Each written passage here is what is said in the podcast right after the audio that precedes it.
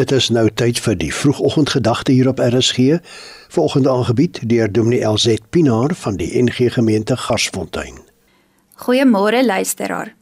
In Johannes 1:14 skryf Johannes: Die woord was by God en die woord was self God. Die woord het mens geword en onder ons kom woon. Die Griekse woord wat hier gebruik word vir onder ons kom woon, is letterlik die woord vir om 'n tent op te slaan.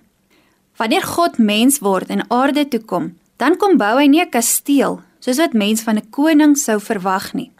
Hy koop nie 'n huis op 'n golfestate met veiligheidsmure om nie.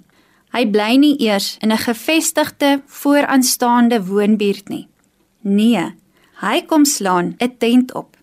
Nou wonder ek, wanneer laas was jy by 'n karavaanpark op vakansie? As 'n mens so tussen die tente en die karavane in die aand rondstap, is daar altyd 'n vreeslike oor en weer gekuierery. In 'n tentedorp is die hele atmosfeer mos net anders. Mense braai saam, hulle eet saam, hulle luister saam musiek en kuier saam. Kinders leer sommer vinnig die name van die tente reg rondom hulle.